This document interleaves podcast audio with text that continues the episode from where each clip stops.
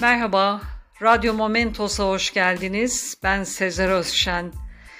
Tofaş tarafından 12 Şubat 1971'de üretimine başlanan, adını Bursa'nın Osmanlı'ya başkentlik yaptığı dönemdeki padişahı Sultan 1. Murat'tan alan Murat 124, aradan geçen onca yıla rağmen vatandaşların ilgi odağı olmaya devam ediyor. Hacı Murat olarak da bilinen otomobilin üretilen ilk örneği ise sergilendiği Tofaş Bursa Anadolu Arabaları Müzesi'nde ilgi görüyor.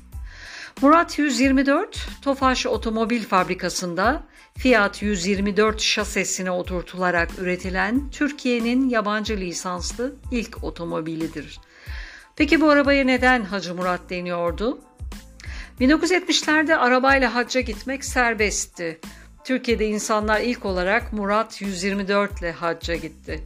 Bu arabanın adı ondan sonra Hacı Murat olarak kaldı. Hatta Arabistan yetkilileri Hacı Murat yoğunluğunu fark edince bu arabalar neyin nesi ki diyerek şüphelenip incelemeye almışlardı. 1971-79 yılları arasında 134 bin adet üretilmişti. Arabasını satmak isteyen bazı insanlar araba iki kez hacca iki kez de umreye gitmiştir diyordu. Az da olsa sırf kutsal toprakları gördüğü için arabayı alanlar da vardı. Sahibinden satılık iki kez hac görmüş araba. Efsane bir satış taktiği olsa gerek. Hayırlı olsun diye Murat 124'ün gelin arabası yapan da vardı. Kim ne derse desin Hacı Murat bir efsanedir diyor kullanıcıları.